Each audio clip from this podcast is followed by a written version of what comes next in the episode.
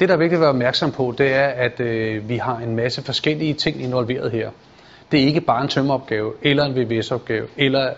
Så man skal være opmærksom på, at øh, vi glider over faggrene, og derfor så er det vigtigt at have en rådgiver på. Det første, man kan gøre som privat, det er at henvende sig til energitjenesten og spørge os først. Øh, men derudover, hvis man laver store projekter, så er det faktisk vigtigt at have rådgiver med ind over, for at få lavet den mest effektive løsning for en selv.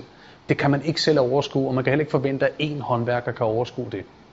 Det er mere kompliceret at energirenovere end bare at renovere, men der er også mange renoveringsopgaver, som jeg mener kunne have stor gavn og glæde af, at der havde været en rådgiver ind over og valgt den bedste løsning. Så øh, det gælder måske for begge dele, men det er specielt for energirenovering.